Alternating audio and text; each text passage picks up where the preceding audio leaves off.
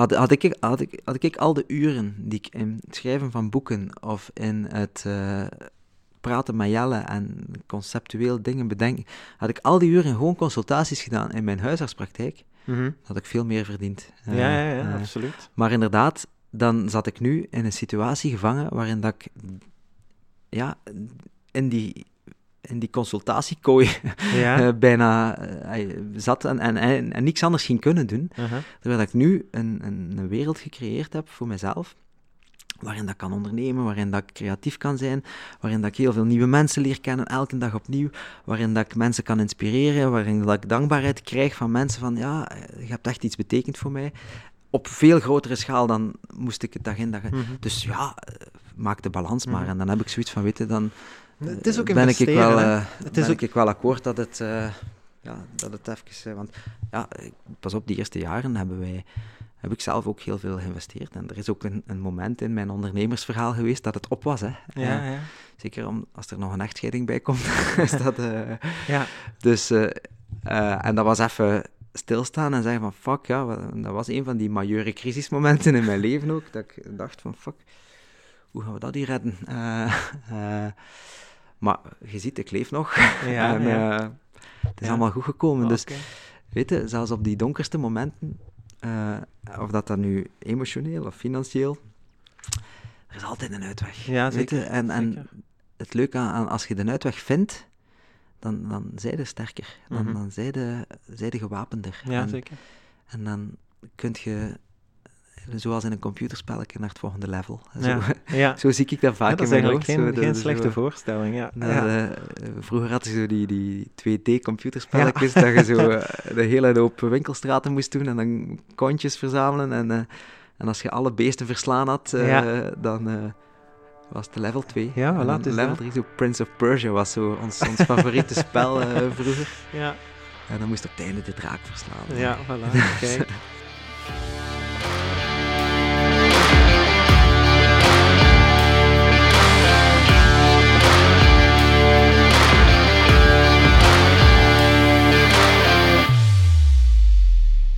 Welkom terug iedereen. Na een korte winterslapen ben ik terug van weg geweest. Vandaag zijn we hier allemaal samengekomen om naar aflevering 23 te luisteren. En die gaat niet toevallig over mensen. Vandaag alleen een beetje meer over Servaas Benger.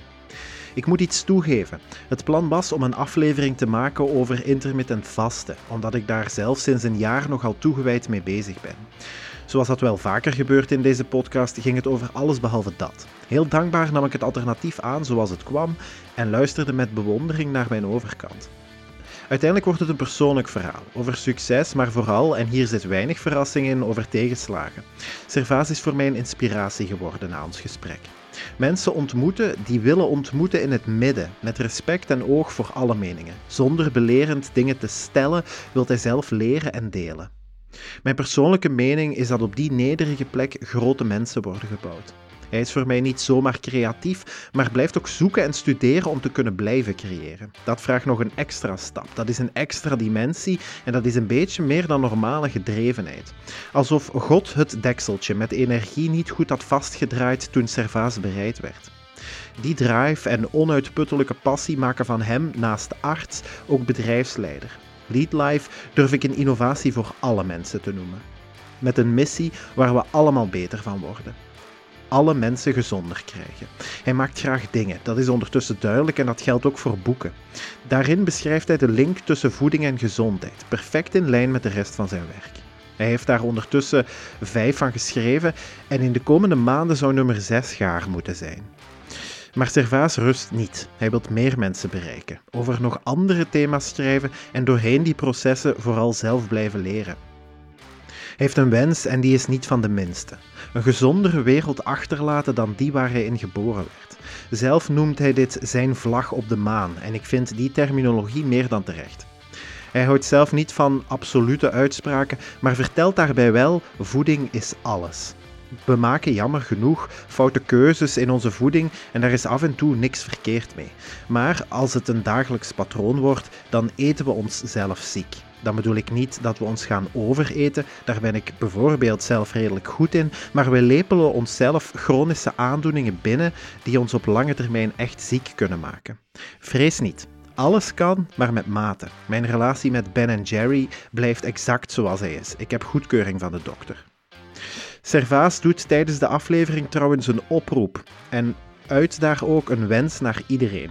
Vind die missie, die passie, de reden waarom je s'morgens uit bed geraakt. Ik hoor hier en daar iemand denken, hoort hier, die mannen hebben daar gemakkelijk praten. Maar niets is minder waar. Om zijn dromen te realiseren heeft hij harde beslissingen moeten nemen. Moest hij tegenslagen doorploeteren en ging hij door meer dalen dan hij zelf wou. Gelukkig, er is een overkant en als hij nu zijn evaluatie maakt, geeft hij ook toe dat hij in het donker of in het dal de grootste lessen geleerd heeft. Daar zit troost in voor de persoon die nu luistert en aanvoelt dat het allemaal niet wilt vlotten. Niemand is alleen. Er is een overkant en als we die uitweg één keer vinden, dan zijn we een belangrijke levensles rijker. Wie inspiratie en verbinding zoekt, zal die nu op een presenteerblaadje ontvangen. De bediening wordt deze week verzorgd door niemand minder dan Servaas Benger.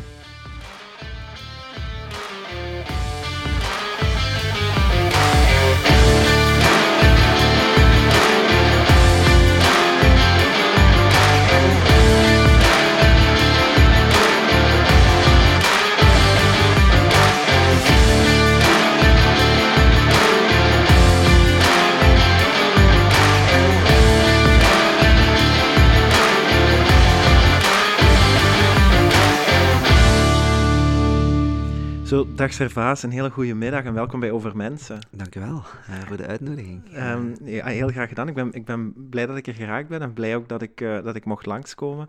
Um, want ik vind dat niet altijd vanzelfsprekend als mensen daar inderdaad zo op toe zeggen. Het is zo mijn kleine project. Het is de tweede keer eigenlijk dat je Het is de tweede keer ook, ja. Uh, dat de eerste waar. keer had ik het niet goed in mijn agenda gezet. En, ja, ja. mijn excuses daar. Nee, maar we zijn er geraakt. ik, ben, ik ben heel blij dat er een herkansing kwam. Um, de, de, eerste vraag die ik eigenlijk altijd stel is of dat dit zo een, een, beetje spannend is, maar voor u is het misschien minder spannend.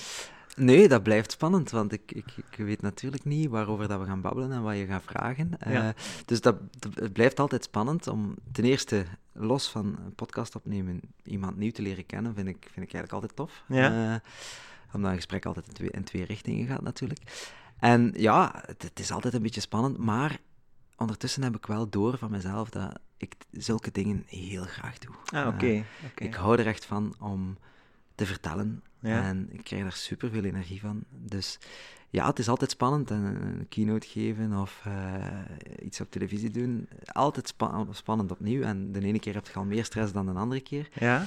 Maar omdat het ook zo leuk is, dan pak ik die spanning daar met heel veel plezier ja, bij. Ja. En ik denk dat dat ook een beetje verscholen zit in zo uw, um, uw, uw drijfveer, om het, om het een woord te geven, mm -hmm. zo in het schrijven van uw boeken bijvoorbeeld en zo. Um, want dat is ook dat is zo de boodschap, zeker zo in het mm -hmm. begin, um, haal ik die daar wel altijd uit. Dat het zo vertrekt vanuit een persoonlijke overtuiging, dat je zo uw verhaal uh, ja, en, en dat, is, dat is heel grappig dat je dat nu zegt, want ik heb, uh, ik heb deze week heel veel geschreven aan mijn nieuw boek, okay. uh, dat normaal gezien in februari zou moeten verschijnen. En ik heb effectief een alinea geschreven die, die daar een stuk over gaat. Van, als ik mij herinner van mijn eerste boek, ja, dan schreef ik dat eigenlijk, en ik wist niet voor wie of voor wat eigenlijk. Ja, ja, ja. En nu heb, ik, ja, heb ik heel veel mensen al echt persoonlijk gehoord, hoe, hoe, kort soms ook. Op Instagram heb ik daar contact mee gehad. Soms zijn mensen een keer bij mij geweest op straat, dat ze zeiden van, hey, bedankt voor uw boek, uh, mm -hmm. het, heeft, uh, het heeft heel veel gedaan en het was, het was tof. Dat ik zo nu het gevoel heb, van, ik weet nu tegen wie, tegen wie dat ik praat uh, ja. als ik schrijf. ja. Dat is heel grappig, want ja... Dat, is, dat is, maakt het eigenlijk nog drie keer zo leuk om een boek te schrijven Absoluut. waarvan dat je weet dat het gelezen wordt. En ja, ook zo'n beetje vanuit de feedback die, die ik van jullie allemaal krijg, van ja, dit vond ik een leuke passage, dit vond ik tof. Ja, ja probeer ik natuurlijk ook mijzelf te verbeteren als, okay, uh, ja, fijn, als fijn. schrijver. Hè. Zeg, en, en in de bredere zin van het woord, want we zien u regelmatig Mhm. ook op tv passeren uh, recent. Hè? Um, ik denk Catnet en dan... Uh, ja.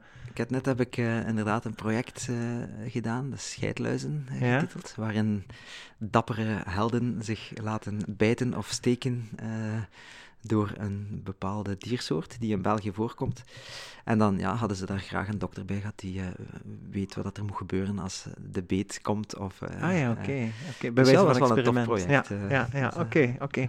En dan is er ook nog iets met um, Gert Verhulst en James Cook. Ja, hè? Daar, dus bij Gert en James word ik wekelijks uitgenodigd om over een bepaald thema te babbelen. En dat kan dus over angst gaan, over vermoeidheid, over allergie, uh, over DNA, over uh, dagelijks wassen. Dus we hebben daar al verschillende themaatjes. Uh, en dat is altijd, ja, dat is altijd heel tof om ja, te doen. Hè. Ja, oké. Ik denk ook al dat het super boeiend is om zo inderdaad uw, um, ja, uw expertise op verschillende domeinen een beetje te kunnen delen, zo toch? Ja, weet je, voor mij is het belangrijkste en hetgeen dat me het meeste energie geeft, is omdat ik twee passies kan combineren daarmee.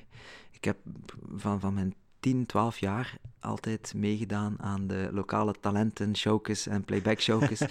en uh, weet je, het, eh, op een podium staan heeft altijd een, een, plek gehad in mijn leven. Ik, ben, ik heb amateurtheater gespeeld. Ik heb op een bepaald moment zelfs nog heel zwaar overwogen om uh, Studio Herman Terling te doen in plaats van geneeskunde.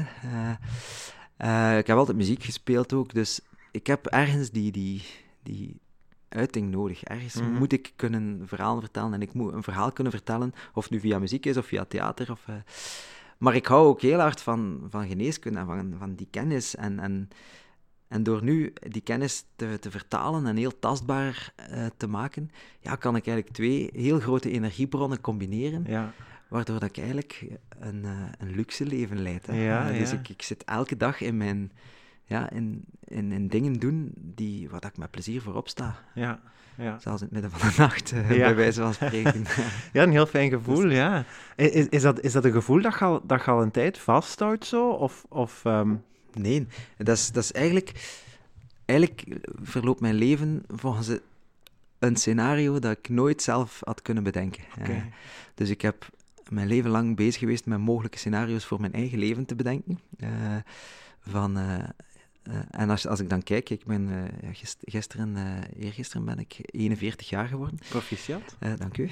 En dan heb ik zoiets van, oké, als ik 20 was, dan had ik waarschijnlijk had ik een ander idee, dat ik ergens anders ging staan of, of zijn, dan als ik 41 ging zijn dan dat ik nu ben. dan mhm. had ik mij eigenlijk in een klassieke, normale setting, misschien zelfs iets huisje, tuintje, boompje-achtig gezien met een met een vrouw en wat kindjes en eh, mijn, mijn job doen. Uh, en als ik dan nu ja, even kijk van waar, waar ben ik nu? Oké, dat gezin, dat is er nog niet. Uh, maar er is wel een, een, een, een leven waar dat ik, ja, eigenlijk, dat, dat ik nooit had kunnen zelf bedenken en waar dat ik eigenlijk nooit had van... Ik heb daar misschien wel van gedroomd, maar, maar dat eigenlijk, ja... En nu is dat daar. En ja, ik heb daar wel van gedroomd. Ik heb, ik heb wel altijd zo onbewust die, die drang gehad om, om, om dit te doen. Maar de realiteit is, is eigenlijk nog veel beter dan de droom. Dus, uh, Oké, dus, ja. Dus nu probeer ik uh, voor de volgende helft van mijn leven, zeg maar, uh, probeer ik die droom nog een beetje groter te maken. En dan zien we wel waar dat de realiteit naartoe gaat. Wat ik daardoor wel leer, is dat het hebben van te zware verwachtingen ons niet vooruit, vooruit helpt eigenlijk. Nee. dus te zware verwachtingen op je levensloop leggen of op, om teven wat leggen, dat kan het eigenlijk alleen maar uh, vervelend maken, denk ik. dus uh, het loslaten van verwachtingen heb ik hierdoor wel, wel geleerd en is een fantastische rugzak om af te leggen. Ja. Waar dat ook een beetje een paradox in lijkt te zitten, hè? Mm -hmm. um, want dat in het loslaten de dingen naar u toe komen, Um, ja, ja, lijkt tegenstrijdig, toch? Ja, dat is een beetje zoals zand in je hand. Hè. Ja, ja, als je zand in je hand heel hard dichtknijpt, dan gaat het tussen je vingers gaan. Maar als je je hand gewoon openhoudt, dan kunnen daar eigenlijk een heel grote stapel zand op leggen. Hè. Ja, ja, toch? Ja. Dus uh, ja, ik denk, eh, misschien zit daar wel een deeltje van de levenskunst, hè? van uh, niet te veel vast te houden, los te laten en laat het maar zijn gang gaan. Ja. Uh, is, dat dan, is, is dat dan ook de... Ja, ik, ik leer heel graag bij, hè? dus is, is dat dan ook zo de belangrijkste les die je zou meegeven aan andere mensen? Of zijn er nog dingen die daarin bepalend geweest zijn? Uh, als, je, als je het dan hebt over het verloop van het leven. Ja, ja. Um, dus een van de dingen die ik, die ik de mensen wel gun, dat ze uh, mee, mee mogen nemen en dat ze misschien zelf mogen ontdekken als ik, als ik naar mijn eigen leven kijk, dan, dan heb ik de, de belangrijkste levenslessen heb ik natuurlijk geleerd vanuit, ehm, eigenlijk een stukje vanuit pijn natuurlijk. Hè. Eh, Mhm. dus er zijn op een bepaald moment in het leven ook zaken die niet lopen Ja. zoals je, ver, zoals je verwacht. Hè. Dus eh, als op het moment dat je de verwachtingen nog vast hebt, zeg Ja. maar, eh, dat je tegen de lamp loopt en dat je niet anders kunt op een bepaald moment, dan een keer een stap of twee terugnemen en even tot jezelf komen. Dat zijn natuurlijk de momenten die, die op het moment zelf niet, niet leuk zijn en Nee. absoluut niet aangenaam zijn. Maar op dat moment heb je een keuze. Mhm. Dan kun je er ofwel van weglopen, en dat is wat ik ook gedaan heb eh, de eerste jaren van mijn leven, eh, tot, tot mijn 6, 37, z- zeg maar, Ja. eh, was ik altijd heel hard aan het werken. En dat was voor mij een, een vlucht, eh, een stuk, om niet bewust te moeten zijn van, van het leven. En op een bepaald moment gebeurt er iets in je leven, en bij mij was dat toen, toen mijn echtscheiding, waardoor dat je moet stilstaan. En waardoor dat je, ja, dat was iets, dat was eigenlijk een heel raar moment, maar het ging niet meer om te vluchten. Dat, dat was geen optie meer. Ja. Ik had eigenlijk hetzelfde copinggedrag kunnen, kunnen doen daar en gewoon kunnen zeggen van oké, echtscheiding, hop, eh, we gaan terug eh, verder, we kruipen weer full in die job, 24 op 24. Maar op een of andere manier was, was ik daar geestelijk en lichamelijk ook niet toe in staat en, en kon ik eigenlijk niet anders dan de, de, de klop die het leven mij Ja, toen, ja, toen ja. gaf, gewoon incasseren en, en KO op de grond vallen. Ja. En op dat moment begreep ik dat natuurlijk niet. Eh, en, en zei ik van, ja, shit, eh, nu, nu is het gedaan, hè. Ja, nu, nu is het, eh, het, is, het is hier drama. Maar eigenlijk net daarin, Ja. net in uzelf op zo'n moment toestaan van die klop echt te incasseren en op de grond te vallen. En ook even te blijven liggen om, om te bekomen van, van die klop. Ja, sindsdien heb ik het gevoel dat ik... Ik ben er echt een andere mens door geworden. Ja. Dus voor mij is dat, is dat iets van... ja, dat is, dat is op zich een crisismoment. En, eh, Ja. Maar never waste a good crisis, eh, zou ik dan zeggen. Ja. Want ik heb si- sindsdien nog kleinere crisissen. En eh, ja, ik denk dat het leven een aaneenschakeling zal zijn van, van, van momenten die u de keuze geven. Die u eigenlijk zeggen van, kijk Servaas, dit is iets dat, dat je nog niet goed snapt. Ja. dus we, gaan u, we gaan het u op een presenteerblaadje geven en je hebt twee keuzes. Ofwel kijkt je even ernaar en leert je eruit, zodanig dat je, dat, dat je niet dezelfde fout moet maken of dat we het niet opnieuw eh, Ja. in uw leven moeten brengen. Ofwel loopt het er weer van weg. eh, Tot de eh, volgende keer. Tot de maar dan gaan we het u teruggeven. Hè? Ja, dan gaan, gaan we u gewoon dezelfde, Ja, het leven heeft dezelfde die, miserie. die lelijke, maar zeer dankbare gewoonte om dat zo eh, te doen. voilà. Ja, dat is wel Dus, maar, maar ja, voor mij, sinds een paar jaar, zie ik dat nu ook echt zo, waardoor dat eigenlijk... Ja, dat is nu misschien een heel, heel, heel zware uitspraak, maar eigenlijk is lijden is geen lijden meer. Mhm. Eh, omdat, er altijd, omdat je altijd weet van, kijk, daar, daar ga ik iets uit leren, daar ga ik sterker Mhm. van worden. En dat gaat mij dichter bij mezelf brengen, dat gaat mij dichter bij de beste versie van mezelf brengen. Dus ja, ja. ik ga hout vasthouden, laat maar komen. Ja, ja, zeker. Ik denk ook wel, daar, daar zit, een, daar zit een, belangrijk, eh, een belangrijke switch in, in, in je mindset, hè, omdat je de zaken dan niet meer, of niet meer enkel als eh, slachtoffer bekijkt of benadert, maar echt als student. Ja. Ehm, Ja, en voilà, dat dan bewust doet op het moment dat ja, zo'n crisis hè, zich voordoet. Ehm, nu ja, dat vraagt inderdaad wel al een voorgeschiedenis aan ervaring eh, om daar te geraken, absoluut. Ja, bij mijn eerste crisis kon ik dat niet, hè. Ja, ja, ja. Dus, eh, nee, eh, en, en inderdaad, voor sommige mensen is inderdaad slachtoffergedrag heel hard in een, in een neurologisch systeem gebakken. Eh, en, en ja, dan heb je, maar ook, ook daar heb je de kans in om, om te groeien. Hè. Zegt je van, oké, ja, kijk, ik, ik weet... Door stil te staan gaat je ook gaan zien hoe dat, hoe dat je systeem geprogrammeerd is. Ja. En ik zal zeggen, slachtoffergedrag, zeker in het praten tegen mijzelf, dat zit daar zeker een stuk in. Eh, maar ik wil zo niet zijn. Mhm. Ik vind dat geen, eh, geen schone versie van, eh van Servaas Benjé, zeg maar. Zeker, nee. dus dan, als ik mezelf daarop betrap, probeer ik te zeggen van, ja, oké, Servaas, gaan, we- gaan we weer die weg op of ga, ga iets anders zeggen tegen jezelf? Mhm. voor mij, het mooiste voorbeeld is als ik 's morgens opsta. Hè. Dus we hebben, we hebben heel veel gedachten. En die gedachten gaan uiteindelijk bepalen hoe dat we ons voelen, gaan Mm. onze emoties bepalen. En die emoties zullen dan uiteindelijk gaan bepalen hoe dat we ons gedragen en welke persoonlijkheid dat we hebben. En die persoonlijkheid en hoe dat we ons gedragen zullen gaan bepalen welke omstandigheden dat we in ons leven eh, Ja. krijgen. Dat is een beetje de, de gedragscirkel, zeg Ja. maar. Eh, dus dan heb je eigenlijk eh, de, het beste niveau waarop dat je kunt werken, is op het niveau van je gedachten. Ja. Eh, en dan, als ik, als ik dan s'morgens opsta en ik ga naar mijn koffiemachine, dan betrap ik mij nog altijd erop dat ik zeg van, ah nee, en, eh, er zit weer geen water in, Ja, in de ja. tank. En oh, die capsules zijn op en oh, het staat hier weer geen tas, ze zitten allemaal in de vaatwas. En, en vroeger was ik mij daar niet van bewust dat ik zulke gedachten heb, maar ik heb ze wel. Dus, dus door stil te staan, eh, word je bewust van, van meer gedachten, door ook een keer gewoon mindful te kijken welke gedachten passeren er hier allemaal. En dan heb ik zoiets van, ja, oké, gaat die gedachte mij vooruit helpen? Eh, of is het misschien beter van te denken, maar Servaas, je hebt hier toch eigenlijk een geweldig goede espresso-machine. En Ja. eh, kijk, je hebt hier nu capsuletjes gekocht met karamelsmaakje, omdat je dat zo lekker vindt. En je kunt hierop staan en een karamelkoffietje. En dan heb ik zoiets van, weet je, eigenlijk die, die, die tweede soort gedachten, die maken mij veel gelukkiger, die gaan mij veel meer energie geven, die gaan andere stofjes in mijn lichaam gaan Ja. vrijmaken, waardoor dat ik eigenlijk de dag ofwel vanuit een heel negatief oogpunt kan beginnen, of de dag kan beginnen vanuit, ja, kom, eh, laat Absoluut. maar komen, we gaan er tegenaan. Ja. Dus, en, en dat wordt heel zwaar onderschat. Mhm. Eh, hoe dat we vanuit het praten tegen onszelf, eh, hoeveel dat we kunnen veranderen en, en in beweging zetten. Ja, absoluut.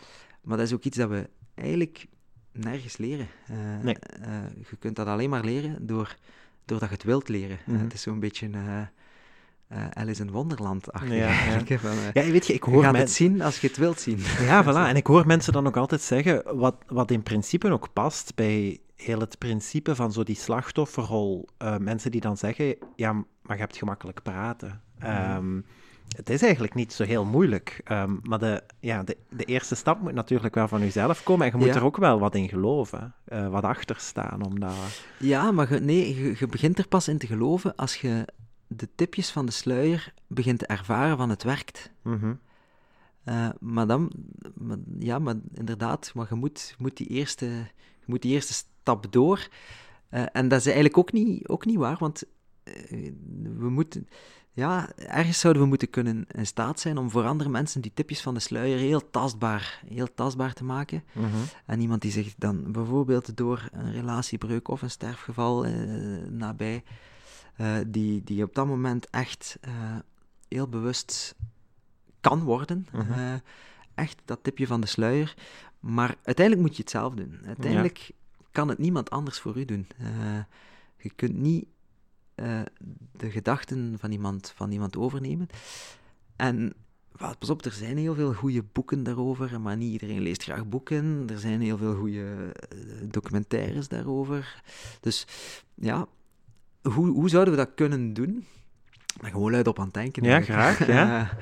hoe zouden we het kunnen doen om inderdaad het, uh, het een beetje tastbaar te maken? Want wat, wat, wat ik nu heel vaak zie, is dat het, dat het soms heel spiritueel bekeken Ja. wordt, waardoor dat 90% van de mensen al afhaken. Mhm, Uh, klopt. en eigenlijk in, in, in de geneeskunde en in gezonde levensstijl is dat juist hetzelfde. Uh, daar wordt heel snel iets in een bepaald kamp van orthomoleculair of dit of dat gestoken, waardoor dat ook al onmiddellijk 90% afhaakt. Dat is de, dat is de reden waarom dat ik dat in, in mijn boeken en, en, de manier waarop dat ik dingen vertel, dat ik niet probeer te polariseren, maar net heel verbindend te werken. Want er zit een supergoed element in die orthomoleculaire, er zit een heel goed element in de klassieke. Dus laat ons gewoon de best of all worlds pakken. Ja. En ik denk dat we ook, ook in, in dat verhaal van zelfgroei, want uiteindelijk gaat dat om, gaat dat om zelfgroei, dat we daar dat potentieel moeten, moeten uithalen. Hè. We, we denken soms, en ik praat soms met mensen, en dan zeggen ze van, ja, ja maar ja, gaat mij toch niet veranderen, zo, want ik ben zo. Ja, ja, voilà. En, en ja, dat is een, een, een uiteindelijk een, een, limiterende gedachte, ja. die, ja, waar, waar uw groei op vastloopt. Hè. Ja, uh, dus het eerste dat bij zo iemand moet gebeuren is van, oké, okay, ja, als, gij, als dat uw overtuiging is, uh, dan moeten we nu maar één ding doen met u. En dat is kijken of dat we die overtuiging in je bewustzijn kunnen brengen en ze kunnen, kunnen omdraaien. Mhm. En dan moet je met al de andere eh, technieken van visualisaties en eh, affirmaties en meditatie, moet je bij zo'n mensen niet afkomen. Nee, Eh, nee, nee, klopt. Want die zijn daar nog niet klaar voor. Nee, nee, dus, en, nee. en zo heeft, ja, heeft iedereen zijn, zijn weg te gaan. Mhm. maar ik vind dat super boeiend. En ja, ik heb me daar zelf ook heel hard in verdiept. Ik heb er super veel over gelezen. Ja. En ergens eh, brandt misschien ook wel het verlangen om, om daar ook eens een boek over te schrijven. Ja. Dat zal zeker nog niet het volgende zijn. Misschien heb ik nog wel eh, wat kansen nodig van het leven om, eh, om het nog wat beter te beheersen, zeg ja, maar. ja. Maar ja, dat ligt wel op mijn lippen. Mm. eh. ja, op zich is het wel een interessante invalshoek, hè, zodat eh, een beetje zo het, het, het neutrale middenveld, in plaats van zo van, vanuit de extreme het te willen vertalen voor een grote groep mensen, omdat je dan per definitie ook een, een heel deel mensen niet zozeer uitsluit, maar niet, ehm, niet weet te prikkelen. Zo. Ja. Ehm, Ja, weet je, ik, ik, ik hou er niet van om, om te elitair te zijn in communicatie. En, en als we nu kijken naar wat er op dit moment in de wereld gebeurt, dat, dat je die ganse antivax-beweging hebt versus de, de, de, de, de, de politiek die dan zegt Ja. van vaccinatie, dit en dat. Eh, los, van, los van wat... eh, ik ga niet oordelen over goed of slecht, absoluut niet. Maar in C is dat echt gewoon een communicatieprobleem. Hè? Mhm. En dat is een, een probleem dat die twee groepen niet met elkaar verbonden zijn. En het gaat al lang in de discussies niet meer over het vaccin. Hè? nee. Want binnenkort is er een vaccin dat totaal niet meer mRNA-gewijs is. En, eh, dus, en die discussie gaat gewoon blijven bestaan. En dat is gewoon omdat, omdat het, een, eh, ja, het is een verhaal geworden van, van principes. Het is een verhaal geworden van, van vastzittende groepen langs de twee kanten. Mhm. Eh, en er gaat maar één oplossing zijn. En dat is een keer heel rustig zeggen van... Jongens, ai, kom, even... Ja. Wat, wat, wat is nu belangrijk? Oké, we, we willen de vrijheid terug. We willen eigenlijk terug naar een gewoon leven. Eh, en we zitten hier met een beest, eh, of met een virus geplaagd, dat continu roet in het eten gooit. Eh. Oké, hoe kunnen we dat oplossen? Ja, we kunnen dat oplossen door ofwel allemaal ziek te worden, of door vaccins te krijgen en dit en dat. Mhm. dus het gaat, het gaat echt gewoon om, om communiceren. Mhm. En ik, ik vind het heel eh, dat er een expertengroep is eh, rond eh, de biologie en rond de, de virologen en, en, en rond de inhoudelijk wetenschappelijke dingen. Maar zet er een keer een marketingbureau op. Ja, ja, Zo rap eigenlijk. mogelijk. Een, een marketingbureau dat die mensen weet te prikkelen en, en, en steek daar een keer wat geld in. Doe, doe het eens op die manier. Zorg dat je die, die, die groep die je nu totaal niet bereikt en tegen u in het harnas jaagt met elke letter dat je zegt in de media, eh, gaat die een keer, gaat een keer gaat er, gaat er het gesprek mee aan, Mhm. zoekt wat dat die groep nodig heeft en speelt in op de noden. Ai, Ja, klopt. het is, eh, Klopt. Ja, het is, ja. het is zo'n een heel erg wijs-verhaal geworden en dat wordt alleen maar groter. Ja, Omdat ja het- omdat het nu vastzit. Hè. Het zit Ja, en, vast. en het is ook gemakkelijk, hè, want als je nu een stok zoekt, zult je er eentje vinden.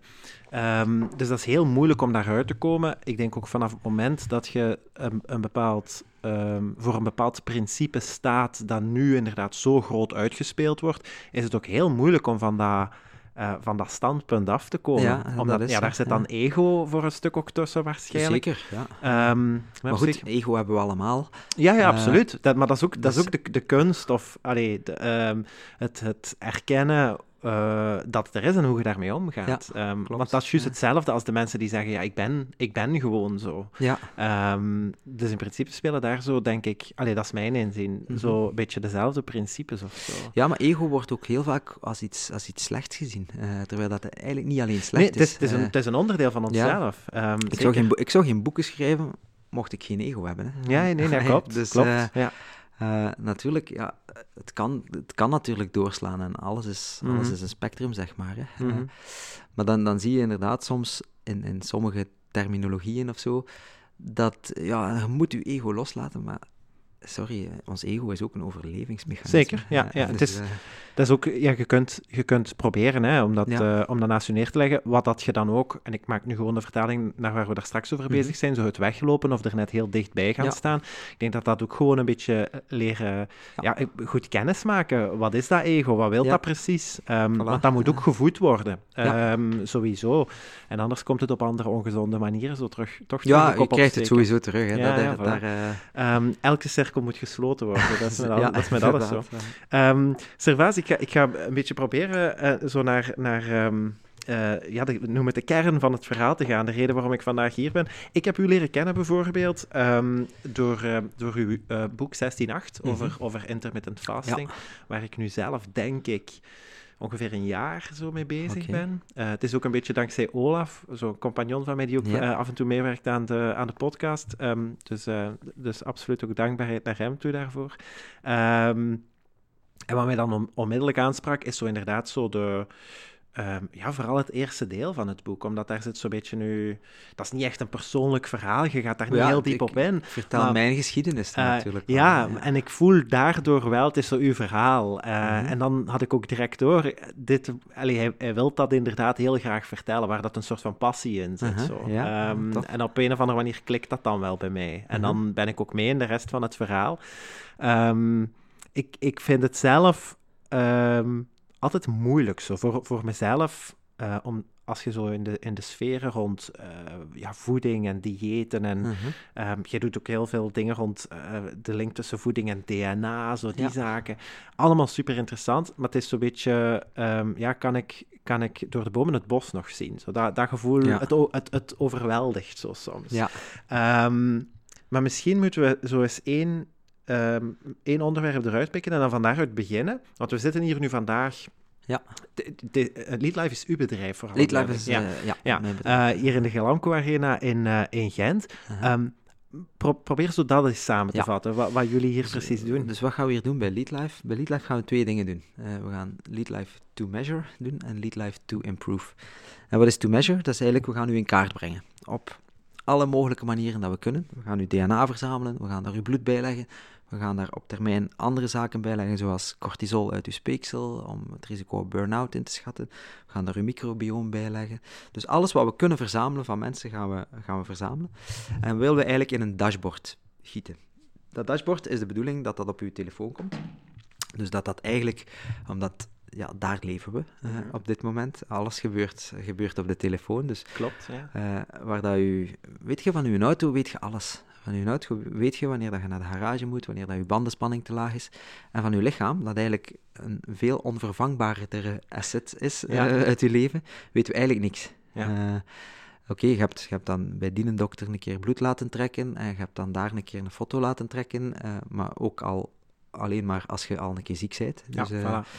Dus dat is eigenlijk de eerste grote missie uh, die we hebben. Dus maak die mens meetbaar en geef hem dat op een dashboard dat hij zelf begrijpt.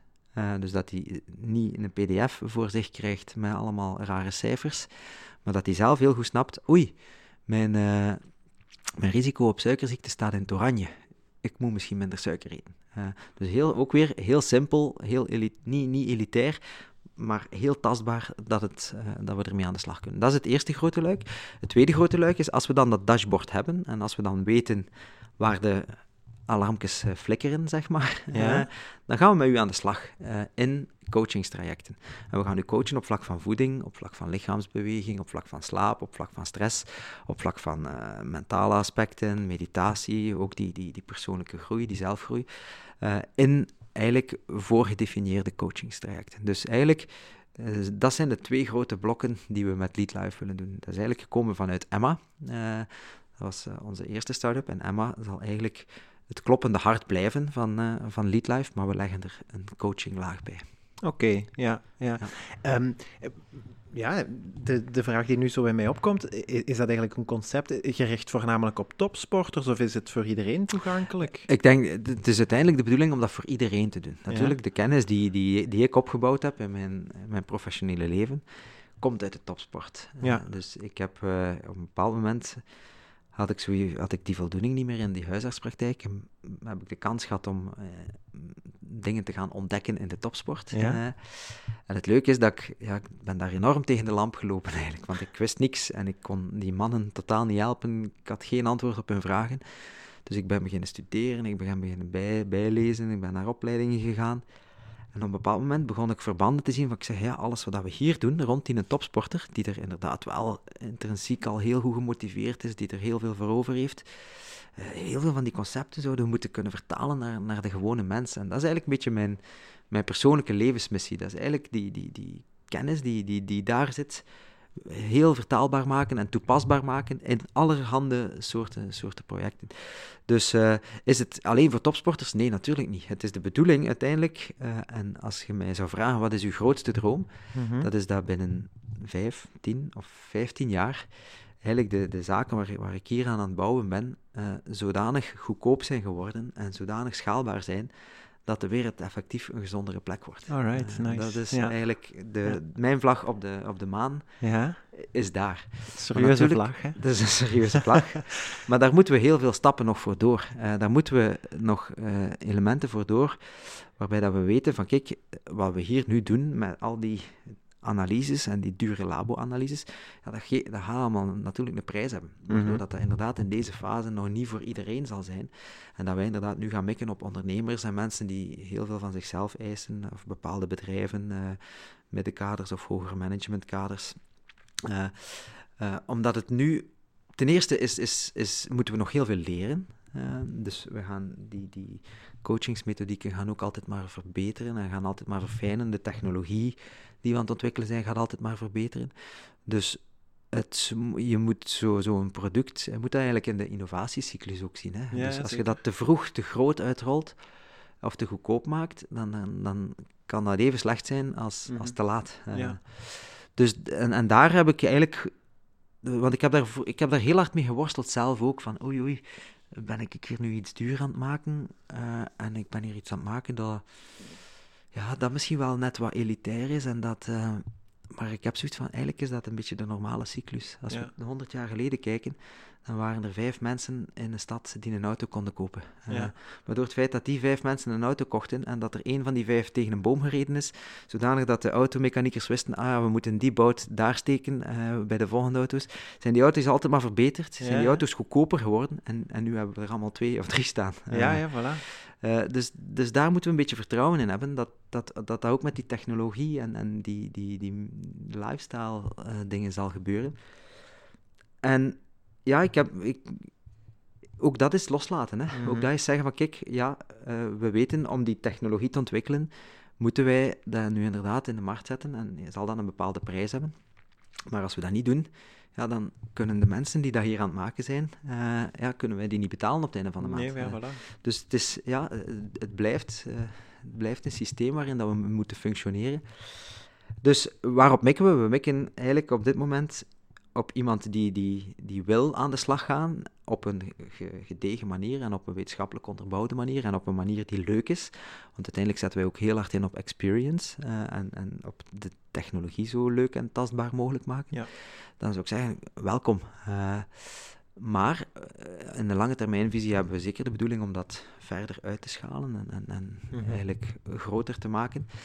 Maar daarvoor moeten wij eerst nog heel veel uh, uurtjes de handjes vuil ja. maken, zeg maar. Ja, ik denk ook dat het strategisch gezien nu zo in een fase zoals dit ook geen, geen, uh, geen slechte overweging is om nu inderdaad niet in te boeten op bijvoorbeeld kwaliteit, want dat hoor ik u bijna Ja. zeggen. Hè? Als we nu al gaan compenseren om het voor, Nee, dat zou, uh, dat zou, dat zou een schiet fout het zijn zijn. doel voorbij. Ja. Um, zeker, zeker omdat de intentie die erachter zit, en wat jij uw droom noemt, um, Ja. een, een, een, een heel mooi concept is. Hè? Ja, Uh, en, en uiteindelijk, we spelen, we spelen met levens, hè. ja, ja, ja. Eh, de, de ultieme bedoeling is, is van mensen al dan niet langer, dat laat ik eigenlijk nog, nog, nog, nog in het midden, maar zeker kwalitatiever. Mhm. eh, kwalitatiever laten leven. Eh, dus zonder chronische aandoeningen en gefocuster op het moment. Dus, want gezondheid heeft twee aspecten. Hè. Gezondheid heeft een aspect op de korte termijn. En dat aspect op korte termijn is, ja, ik kan hier nu, zelfs op vrijdagmiddag, eh, door het feit dat ik uh, gezond eet, dat ik af en toe beweeg, kan ik hier zelfs op vrijdagmiddag nog helder zitten, zonder brain fog, en uh, Ja. toch nog energie hebben, zelfs na een heel lange en drukke week. Dat, dat helpt mij op korte termijn vooruit, maar ook op lange termijn, door net die dingen te doen die mij op korte termijn helpen. Uh, bespaar ik mezelf van op mijn vijftigste diabetes te krijgen of hart- en Ja. vaatziekte te krijgen. Ja. Dus de dingen die we doen op korte termijn helpen ons ook op lange termijn. ja, zeker. En ja, hebben dus een impact op, uh, op ons leven. Hè. Als Mhm. ik, uh, ik moet zelfs niet, niet langer leven, maar als ik, ik tot mijn 90 kan leven zonder zware invaliderende chronische aandoeningen, dan teken ik direct. Hè. Mhm. Eh, Ja, ja ik, heb, ik heb elf jaar in UZ Leuven gewerkt. Uh-huh. Ehm, en ik heb dan eh, na verloop van tijd begon ik ook te zeggen dat we eigenlijk van heel veel geluk mogen spreken om gezond geboren te worden. Ja. En dan ergens rond uw tachtigste in uw slaap eh, te mogen gaan. Ehm, ik ga toch 90 zeggen. Ze. Oké, ja. ja. Ehm, Ik ga nog niet klaar zijn als ik 80 Eh, ben. nee, maar als ik dan toch zou mogen kiezen, omdat er, er zijn zoveel factoren in, in, in ons leven die maken dat dat allemaal niet zo evident is. En iedereen zegt, ik zeg dat nooit nu, niet, Mhm. alleen nu zeg ik het nooit meer, maar heel veel mensen die ik ben tegengekomen in het ziekenhuis, die bijvoorbeeld een, een zware hersenbloeding gekregen hebben en, Mhm. en minder mobiel zijn voor de rest van hun leven, ehm, iedereen zegt, dit, dit zou mij nooit overkomen. Ik dacht altijd, dit gebeurt nooit met Ja. mij, totdat het u dan Ja, wel, eh, wel gebeurt. Ja, we zijn daar niet vrij van. Hè. Nee, en ik denk dat zo, allee, ja, een project als, eh als Lead Life bijvoorbeeld, is dan eigenlijk gewoon een, een soort van ehm, ja, weergave van alles wat met preventieve geneeskunde te Ja, maken heeft. En, zo. en, en Ehm, wat kunnen we zelf in de hand nemen om dat te voorkomen? Want we kunnen niet alles in de hand nemen. Mhm. 100% garantie gaan we in, in preventie nooit kunnen geven. Jammer Nee. genoeg. Eh, Nee. Misschien als binnen 100 jaar de datamodellen en de computerkracht zodanig groot geworden is, dan misschien wel. Mhm. Omdat we dan ook de interventies kunnen koppelen en dan kunnen we alle genen editen en eh, whatever. ja, Goed, nu ben ik heel science fiction eh, vooruit aan het kijken. Ja. Dus 100% garantie gaan we nooit kunnen geven, maar eh, 95% hebben we wel in de hand. Ja. Oh, we hebben in de hand, wij zitten hier nu alle twee een glas water te drinken. Wij zouden hier ook kunnen een suikerrijke frisdrank drinken en hier een plateau vol chocolade leggen. ja, dat is een keuze dat we maken. Absoluut, Eh, ja. Dus eh, dat is een keuze dat we maken om het, om het op dit moment niet te doen. Eh, Ja. Maar, en wij maken die keuze eigenlijk al tot op een bepaald niveau automatisch van, oké, ja, weet je, we gaan toch proberen om 80% van onze keuzes gezond te laten zijn. Ja. Maar ik, zal, ik, ik durf straks met u door Gent wandelen en een paar huizen binnenwandelen, dat, waar dat we gaan zien van, daar denken mensen nog dat als ze een zak chips eten, dat ze een, avondmaal binnen dat hebben. hè, gebeurt want dat zijn absoluut, ja. aardappelen. Hè. ja, dat gebeurt. Ja, ja, ja. Eh, ja. Dus, eh, ja, dus er is nog heel veel werk in, in, in dat collectief bewustzijn te Mhm. doen ontstaan. En dat zijn niet de eerste mensen die we hier gaan bereiken. Hè. Eh, dus die, die, die gaan we niet gezonder krijgen met, met dit project in de, Nee, in de eerste fase. Terwijl dat uiteindelijk dat wel de, de bedoeling moet zijn. Mhm. Maar we moeten ook aanvaarden dat ja, dat, dat een proces is. Hè. ja, Eh, dat vraagt inderdaad wel wat tijd. dus ja. eh, als, ik, Ja. als ik kijk, ik ben, eh, ik ben op Facebook gegaan in 2006 of 2007. Waarom? Ik zat toen in, in het universitaire netwerk en, en dat is daar ontstaan. En er zijn mensen die dit misschien zullen horen, die misschien maar in 2013 of 14 van Facebook gehoord hebben en daarop gegaan zijn. Hè? Ja. Dus ook zulke dingen kent, kent een evolutie. Hè? Ja, ja, ja. En dat vraagt dus, inderdaad allemaal tijd en, en ja. veel geduld. En ik snap dan dat het iemand, allee, dat het voor iemand zo, zoals jij, met uw persoonlijkheid, dat je dan graag vooruit ziet gaan. ja. Maar dat doet het op, uiteindelijk ook wel, hè? Ja, Ehm, het, het, het zal altijd vooruit gaan op de beste manier dat het kan vooruit gaan. voilà. En, en dat doe ik natuurlijk niet alleen. Nee. Eh, En dat is een heel belangrijke eh, kentekening, want ik ben, ik ben hier wel de persoon die buiten loopt en ik ben hier wel de persoon die eh, het op tv mag uitleggen en die eh, in de krant allemaal mag, mag expliceren. Maar hier zitten heel veel mensen, oké, nu zitten ze ook thuis te werken, omdat dat Ja. nu eenmaal de norm geworden is. Ja. maar er zitten heel veel mensen die dag in dag uit aan hetzelfde doel eh, knokken. Eh, Mhm. eh, om maar iemand te noemen, Jelle, die ik ontmoet heb in 2016. En vanuit mijn passie ben beginnen vertellen van ik wil mijn atleten meetbaar maken, ik wil, ik wil ze beter leren kennen. hebben wij ons eigenlijk samengegooid en hebben we eigenlijk... Daar heb ik, door, door hem te ontmoeten, heb ik eigenlijk geleerd wat complementariteit is. mhm. Eh, want ik ben inderdaad een fantast. En ik zie het allemaal direct voor mij en in mijn hoofd is het allemaal direct klaar. ja, En we moeten zo en zo en zo en zo en zo doen. Maar vraag het mij niet om het, om het dan in de, in de details te gaan, te gaan uitwerken. Ja. Want daar ga ik ongelukkig van worden en daar ga ik geen energie van krijgen. ja, Terwijl Jelle dan iemand is die, die, die mee kan surfen op die visie waar we naartoe moeten, maar dan heel goed weet van oké, maar dat betekent dus projectmatig dat we iemand nodig hebben die dat kan, iemand nodig hebben die dat kan. Dat hij heel goed is in, in die teams samenstellen en dan die teams ook aansturen. En zeggen van oké, nu dit, nu dit, nu dit. En, en zo kunnen zo kunnen dingen gaan bouwen. Hè. Dus wat dat wij eigenlijk heel hard op inzetten hier eh, vanuit het bedrijf is, is ook op, wij werken niet met jobs, maar wij werken met, met mensen. En dan gaan we kijken naar wat is de energie van die mensen, wat kunnen die goed, wat doen die graag. Mhm. En dan gaan we eigenlijk gaan zeggen, oké, dan, dan ga jij dat doen. Eh, Oké. dus ja. we, gaan, we gaan niet eerst de trein doen bewegen en dan mensen laten opstappen, maar we gaan eigenlijk eh, de mensen laten, laten rijden en dan zien we wel waar dat de trein naartoe gaat. Ja, Eh, ja, ja, oké. dus, eh, Ja. En dat heb ik van Jelle geleerd. Dus dat is een van de beste dingen die me professioneel kon, kon overkomen, was om, om zo iemand te ontmoeten, eh, daar onmiddellijk een heel goede klik mee te hebben, daar eigenlijk ja, een stuk vanuit collega's en zelfs vriendschap te kunnen, te kunnen ondernemen. En dat hij heel goed weet van, ja, die, die, kan, die kan mijn passie er, er, er zo uithalen en, en dat Ja. in, in stukjes. Want die, soms komen we van een meeting en dat is echt van, ja, ik zag het, ik zag het dat, dat, ik u niet, dat u niet aanstond. En dan zeg ik, ja, ik zeg, hoe zie je dat? Ja, ik weet niet, maar dan zakken uw schouders 2 mm naar, 2 millimeter naar beneden. En, eh, en dan denk ik zoiets van, ja, hoe fijn is dat, dat je dat, je dat Ja. eigenlijk met, met zo iemand kunt doen. Ja. Wat dat we ook vaak zeggen is dat we, ja, eigenlijk zijn we getrouwd, hè. Ja, Eh, Want wij, wij bellen heel veel naar elkaar, wij zien elkaar heel veel. Dus eh, er zijn zeker momenten, dat, toen dat ik nog getrouwd was, dat ik me, dat hem meer zag dan, eh, dan mijn eigen vrouw en, en bij hem juist hetzelfde. Ja, Maar dat maakt het mooi, hè. Dat maakt, Ja, het, zeker. dat maakt het heel tof. zeker. eh, ja. dus, En, en ja, nog eens, ja, nog eens een extra ehm, bewijs wil ik bijna zeggen dat je zo, ehm, als het allemaal voelt als speeltijd, dan zit je op het juiste spoor. ja, hè? ja. ja, en dat is, dat is... Pas op, er zijn ook dingen die ik niet graag doe, die ik Ja, ook moet doen. Ja. Dus eh, het, is, het, is, het is niet dat ik altijd met, met een, een brede smile... weet je, er zijn ook dingen waar ik geen energie van krijg, maar die ik toch moet doen. Hè. Als, ik, Ja. eh, als ik een volle mailbox heb, moet die ook leeg. Hè. Eh, Mhm. en, dus administratie moet iedereen do- door, boekhouding, zo, al die saaie dingen.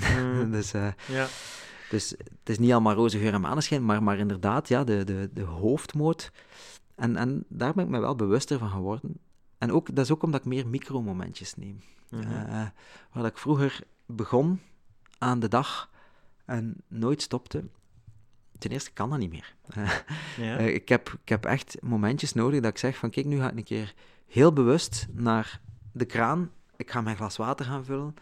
Ik ga me dan een keer twee minuten stellen en kijken naar, naar buiten. En ja, er is buiten niet veel te zien. Buiten eh, de ring rond Gent en, Ja. eh, en een beetje gras. Of een keer luisteren naar een gesprek dat iemand anders aan het voeren is.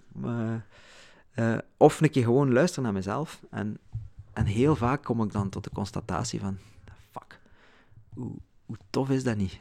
Ik, ik ben eigenlijk waar dat mijn pad in mijn hoofd geplaveid was van ik ga huisarts worden ja. en ik ga dag in dag uit consultaties en huisbezoeken doen en ik ga getrouwd zijn en kindjes hebben en dit en dat, eh, zit ik nu in een andere situatie waarin dat ik eigenlijk mijn, mijn eigen job gecreëerd heb, eh, dat ik kan doen wat, dat, wat dat ik graag doe, dat ik Mhm.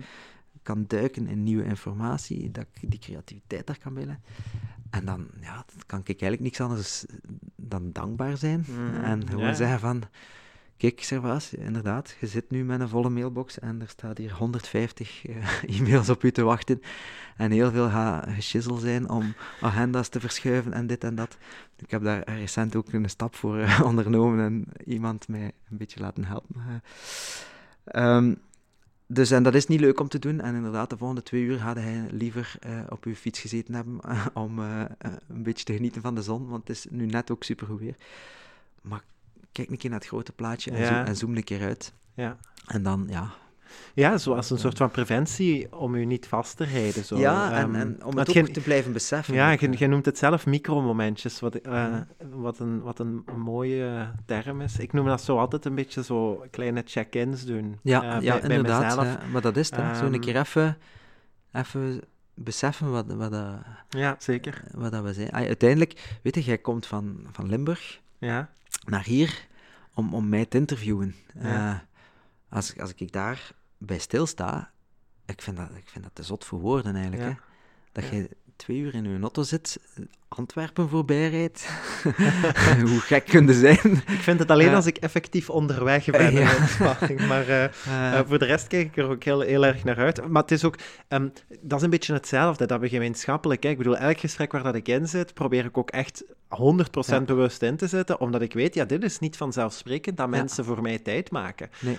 Um, en ik probeer daar dan iets mee te doen en ik hoor ook van, de, de meeste feedback die ik krijg Komt ook van mensen die ik al geïnterviewd heb, trouwens. Ehm, die dan de aflevering luisteren en bijvoorbeeld de intro superleuk vinden ja. of zo. Um, en ik merk bij mezelf dat ik het daar wel voor doe. Maar daar zit, heel, daar zit superveel dankbaarheid in. En da da daar zit ook zo mijn, mijn, mijn doel een beetje in. Om informatie niet alleen op te slaan, maar dat dan ook te delen. Um, ja. Inzetten op verbinding, mensen naar elkaar laten luisteren. Inspireren ook. Ja, voilà, zo. En, en dan denk ik, ja, dat zijn de dingen waarmee dat ik bezig ben. En het hangt er echt gewoon vanaf Um, want er zijn, er zijn ook genoeg mensen die mij dan aanspreken. Ja, Sandro, hoeveel verdient je daar eigenlijk mee?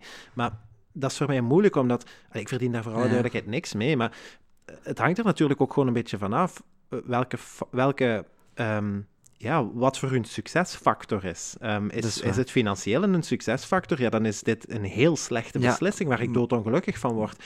En toch ben ik daar gelukkig bij. Dus ik probeer ja, maar ik snap dat, want had, had, ik, had, ik, had ik al de uren die ik in het schrijven van boeken of in het uh, praten met Jelle en conceptueel dingen bedenken, had ik al die uren gewoon consultaties gedaan in mijn huisartspraktijk, mm -hmm. had ik veel meer verdiend. Ja, ja, ja uh, absoluut. Maar inderdaad, dan zat ik nu in een situatie gevangen waarin dat ik ja, in die in die consultatiekooi ja. uh, bijna uh, zat en, en, en, en, niks anders ging kunnen doen. Uh -huh. Terwijl ik nu een, een, een, wereld gecreëerd heb voor mezelf, waarin dat ik kan ondernemen, waarin dat ik creatief kan zijn, waarin dat ik heel veel nieuwe mensen leer kennen, elke dag opnieuw, waarin dat ik mensen kan inspireren, waarin dat ik dankbaarheid krijg van mensen van, ja, je hebt echt iets betekend voor mij.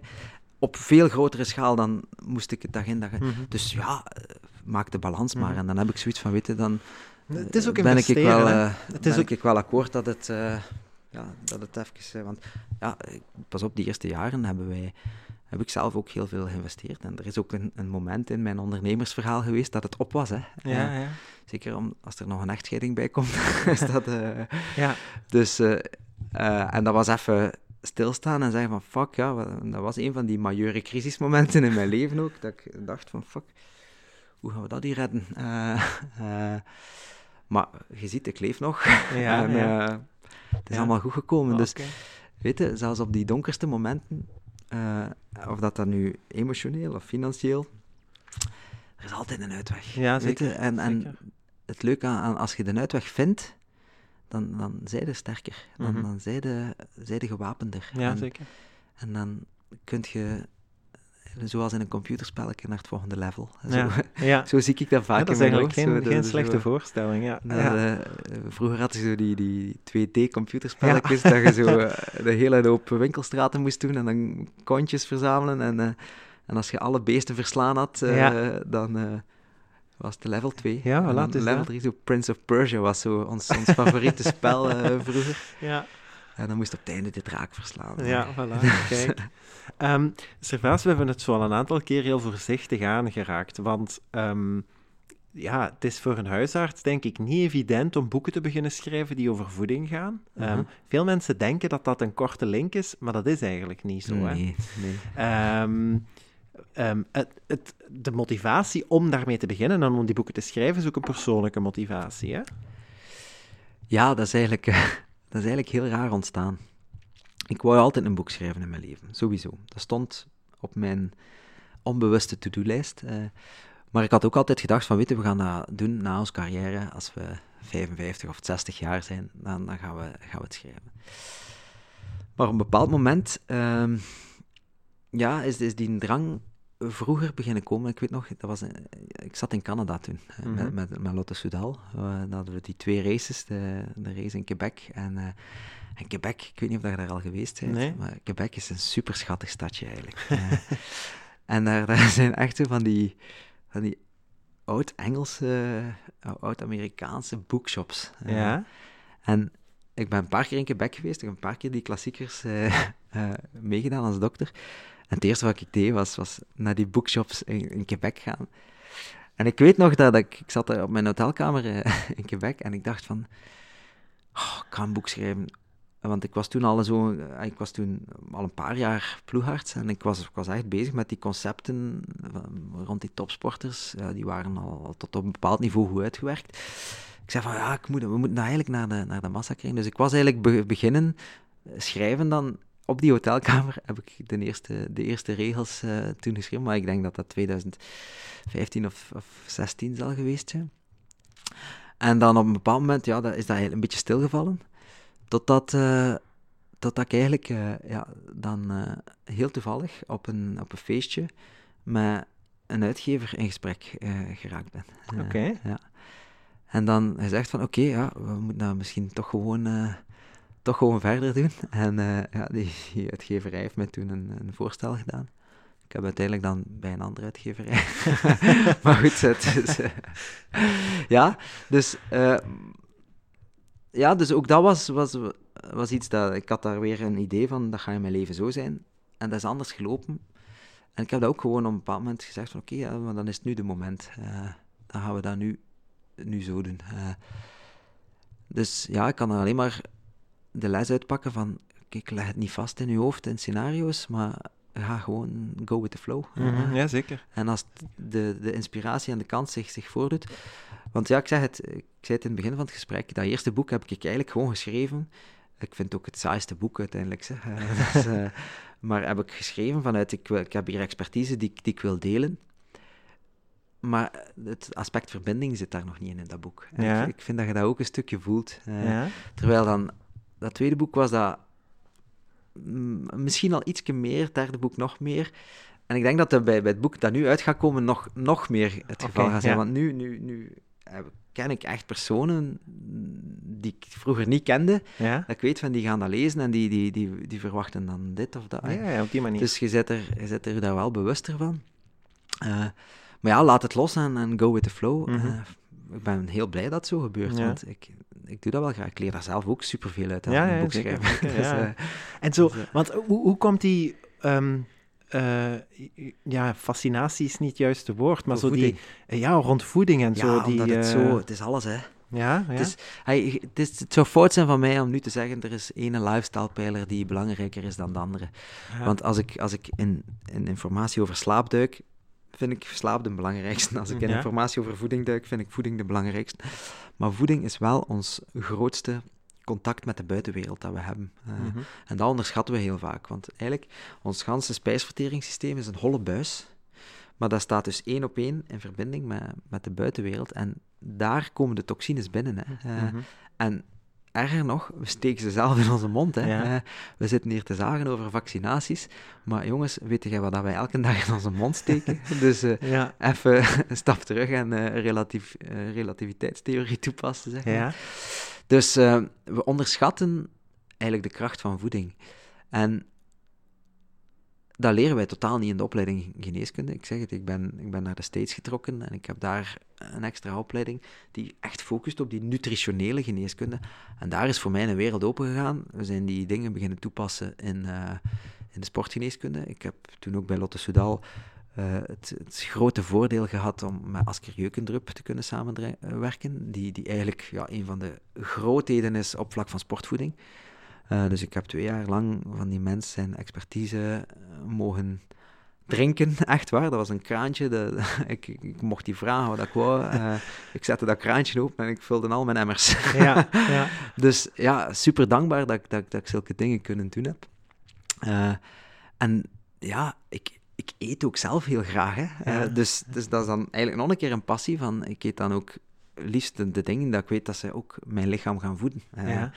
En, en lekker zijn. dus ja, al die dingen samen zorgen er eigenlijk voor dat we... Ja, dat, dat die, die gebetenheid in die voeding wel, uh, mm-hmm. wel groot is. En dat het ook ja, een van de meest toegankelijke dingen is om, om, om, om de connectie te leggen. Weet je, Hippocrates zei het al, hè, food is medicine. Ja. En door, door, uh, daarnet zei je van al die informatie van voeding, het is zo overweldigend. Wel, ik ga u dan heel slecht nieuws geven, want we hebben nog maar een tipje van de sluier op, op, Ja. opgelicht. Er is een volledig nieuwe wetenschap aan het ontstaan, de nutrigenomics, eh, die eigenlijk de connectie legt tussen wat gebeurt er op DNA-niveau, wat gebeurt er op bloedniveau, eh, wat gebeurt er op ons, in ons lichaam als we die en die en die voeding eten. En we zijn de mechanismes die eh, zijn, we zijn we altijd maar aan het verfijnen. Mhm. Vroeger wisten we, als je, als je dat eet, kun je maaglast krijgen. Dus dat was echt op niveau van het, orga- het orgaan. Ja. Dus als je chocolade eet of koffie, kun je maagzuur krijgen. Dat, dat, was wat dat, we, dat is wat dat we nog leren in, in de geneeskunde. Maar de niveaus daaronder, eh, tot op het niveau van, kijk, als je broccoli eet, daar zit sulforafaan in en dat gaat via de NRF2-pathway je cellen gaan stilleggen om geen ontstekingsstoffen meer te gaan produceren. Hey, ondertussen zitten we, zitten we op die niveaus. Ja. Waardoor dat de, de adviezen natuurlijk altijd maar complexer worden. En, en, dat, is, en dat is ook weer het probleem. De, de, waar we staan met de wetenschap, dat komt niet meer tot uiting in waar we staan met de gemeenschap en met de cultuur. Ja. Omdat het niet goed vertaald wordt en omdat het niet goed gecommuniceerd wordt. Maar Eh, zou, zou het ook niet kunnen zijn, en nu, ben ik, nu kijk ik daar gewoon even kritisch naartoe, Mhm. hè? Het enige moment, als ik er niet zelf naar ga zoeken, Ja. het enige moment waar ik advies en informatie krijg over de dingen die ik eet, is op het moment dat ik ziek ben en naar een huisarts Ja. ga. klopt. Maar een huisarts heeft daar ja, in zijn op, of haar opleiding Nee, geen, was- geen les Zeg, over Onze gekregen. cursus voedingsleer in, in de gewone opleiding geneeskunde was een, bundeltje papieren van 25 man. Ik herinner mij nog heel goed. Voor het examen, de laatste zondag, heb ik mij twee uurtjes in de zetel gezet, eh, dat gelezen. En gezegd van, ja, maar ik weet ik dat allemaal. Ja, en ik was er door. Dus, ja oké. eh, Ehm. in sportgeneeskunde was het iets meer, maar eigenlijk ook nog niet, nog niet wat dat we... ah, dat was het vooral op sport toegepast en, en hoeveel koolhydraten en eh, dit Mhm. en dat. eh. Eh, maar uiteindelijk, hoe, hoe we voeding kunnen inzetten als medicijn en hoe we voeding kunnen inzetten, en, en daar is de lijst eh, voor mij een, een, een, een doorbraak geweest. Mhm. Eh, ah, ik, ik, ik, ik snapte vanuit die, die methodologie van het eliminatiedieet. Hè. Dus we schrappen alle ongezonde dingen, alle dingen die ook maar iets kunnen fout doen in het lichaam, schrappen we weg. Ja. Eh, en dan doen we dat eh, tien dagen, eh, doen we dat in de lijst. Eigenlijk, eh, wetenschappelijk zouden we dat moeten zes weken doen. Ja. Maar ik had zoiets van, weet je, het is een boek, we gaan de drempel laag maken, zodat, zodat dat mensen het, het willen doen. En dan gaan we stapje voor stapje gaan reïntroduceren. Ja, dat is een, een methode die, die geweldige... En hoeveel berichtjes dat ik gekregen heb van mensen, ja, ik heb al jarenlang migraineaanvallen of eh, knielast en reuma, en, en die zeiden van, ja, ja, ik heb echt veel minder last en ik zit nu in de, ik ben nu drie weken aan het doen en, en dan had ik zoiets van, kijk, want dat was zo mijn overgang tussen theoreticus en, en pragmaticus. Ja. en, eh, en dan had ik zoiets van, wauw, het is, het is nog echt waar ook, want ik ben daar zelf ook super verwonderd van geweest. Ja. Eh, ja, dat was, eh, de, de, de lijst was voor mij ook wel een, een, een, een vreemd momentje in mijn leven. Dat was, ik wil, u dat, ik wil dat verhaal misschien wel vertellen. Eh, graag. ik, had zo, eh, ik had een interview gegeven Ja. eh, rond dat boek. En ik wist dat dat die een dag ging verschijnen. En dat was één of twee dagen na dat boek in de, in de boekhandel lag. Dus ik sta op die, die, die ochtend en ik, ja, ik, het eerste dat ik doe is, ik lees de krant en ik kijk, kijk naar het artikel en er stond een fout in. Eh, ik weet nu niet meer exact wat het was, maar ik zie mij nog zo in de, in de keuken staan. En er stond van, ja, een banaan staat op de lijst of whatever. En ik zei van, oh, ik zei, er staat een fout in dat artikel. Eh, dus ik, ik, ik, gooi de, ik gooi dat artikel weg.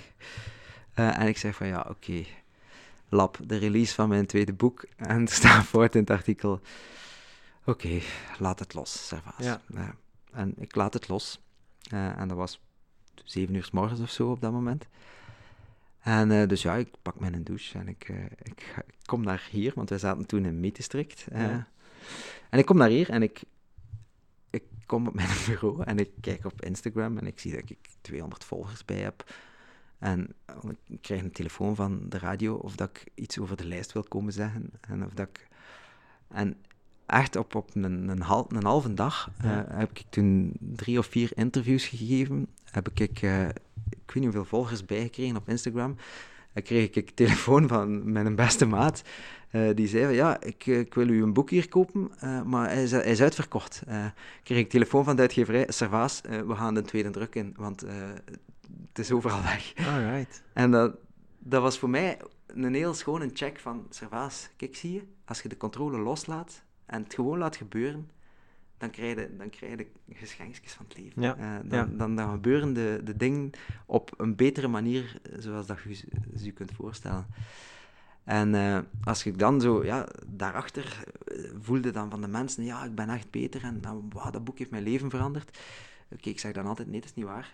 Dat boek heeft je leven niet veranderd. Dat boek heeft u een beetje informatie gegeven en jij hebt het uiteindelijk gedaan. Uh, mm -hmm. Maar ja, dus, ja, weer hetzelfde, dezelfde conclusie. Kan ik eigenlijk alleen maar dankbaar zijn. Dat, en ik kan alleen maar iedereen gewoon aanbevelen van zoekt echt wat dat je energie geeft. Zoekt echt wat dat je graag doet. Zoekt uw, uw reden om elke dag op te staan. Hè. En dat is, dat is voor mij, denk ik, een van de belangrijkste dingen. Uh, want zo, hoe dat we op dit moment de klassieke uh, psychiatrische dingen van depressie en angsten ja. en zo, hoe dat we dat benaderen, door een pilletje te geven om het evenwicht te herstellen of weet ik veel wat, uh, of door zware, zware therapieën. Voor mij, de, de, eerste stap is van, we moeten op een of andere manier met, met die mensen in gesprek gaan en die een, die een purpose gaan zoeken. En zeggen van, kijk, waarom zou jij hier zijn? En, en wat doe jij graag? En wat geeft er u energie? Uh, en, en, en, wie wilde zijn? Mm -hmm. En een antwoord vinden op die vragen. En die antwoorden evolueren ook. Hè? Want ja. het antwoord op die vragen, als ik dat nu moet geven, versus drie jaar geleden, dat, is, dat zijn andere antwoorden. Hè? Mm -hmm. dus, ja, absoluut. dat mag ook. Hè? Ja, natuurlijk. Ja, ja weet je, dat, dat, dat, dat creëert die why. Hè? Uh, dus dat boek van Simon Sinek, wacht, moet dat, zien dat boek van Simon Sinek, van Start With Why, dat, dat Apple, Apple zegt niet van uh, wij verkopen uh, geweldige computers. Hè. Nee, Apple zegt van kijk, wij zijn een bedrijf uh, en wij hebben vooral als, als challenge dat we de status quo willen in, in vraag stellen en eigenlijk de creativiteit willen. dus als jij een, een, een, Apple koopt, dan koopte jij geen computer. nee, als ik een Apple koop, dan koop ik eigenlijk mijn twee, drie boeken die ik daarop ga schrijven. Ja dan zeg ik van kijk, die computer is zo mooi en, dat is, en ik, daardoor ben ik creatief en ga ja, ik ja, veel betere boeken kunnen schrijven.